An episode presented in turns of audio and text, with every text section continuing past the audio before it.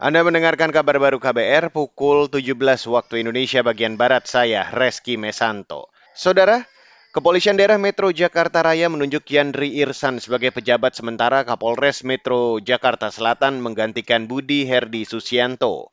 Budi Herdi dinonaktifkan dari jabatannya akibat tersangkut kasus penembakan Brigadir J hingga tewas di rumah perwira Polri dua pekan lalu.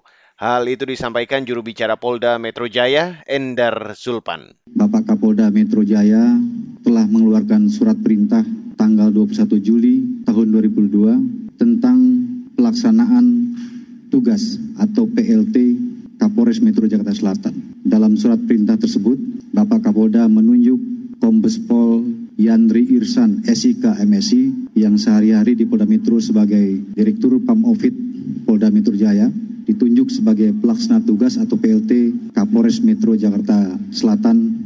Sebelumnya, juru bicara Mabes Polri, Dedi Prasetyo mengumumkan penonaktifan Komisaris Besar Polisi Budi Herdi dari jabatan Kapolres Jakarta Selatan.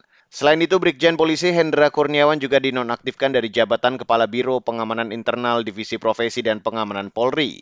Penonaktifan dua perwira itu dalam rangka menjaga objektivitas dan transparansi tim khusus untuk mengungkap kasus penembakan Brigadir J. Beralih ke lantai bursa, saudara. Indeks harga saham gabungan atau IHSG ditutup melemah pada penutupan perdagangan hari ini.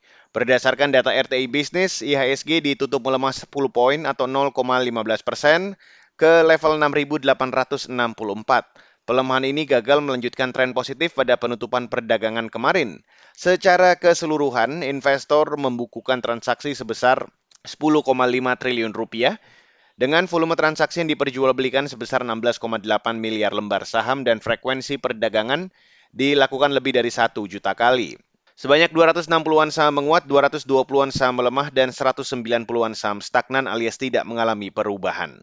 Saudara pemerintah akan mulai menggencarkan edukasi dan sosialisasi penggunaan perangkat TV digital dan set-top box jelang penghentian siaran TV analog. Staf khusus Menteri Kominfo Rosa Rita Niken Widya Suti mengatakan, Penghentian siaran analog telah dilakukan bertahap 25 April lalu di 166 kabupaten kota. Pada tahap 2, siaran televisi analog dihentikan mulai 25 Agustus mendatang di 31 wilayah dan tahap akhir pada awal November di 65 kota kabupaten.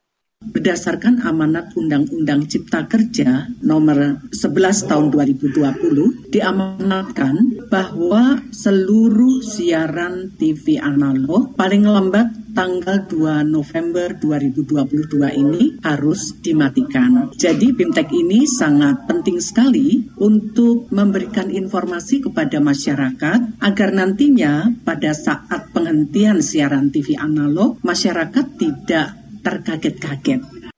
Staf khusus Menteri Kominfo Rosarita Niken Widyastuti menambahkan masyarakat yang memiliki TV analog bisa tetap menikmati siaran digital dengan menggunakan alat yaitu STB TV digital. Ia menyatakan harga STB di pasaran cukup terjangkau, namun untuk beberapa kriteria masyarakat miskin akan mendapatkan STB gratis dari pemerintah. Dan saudara, demikian kabar baru saya Reski Mesanto.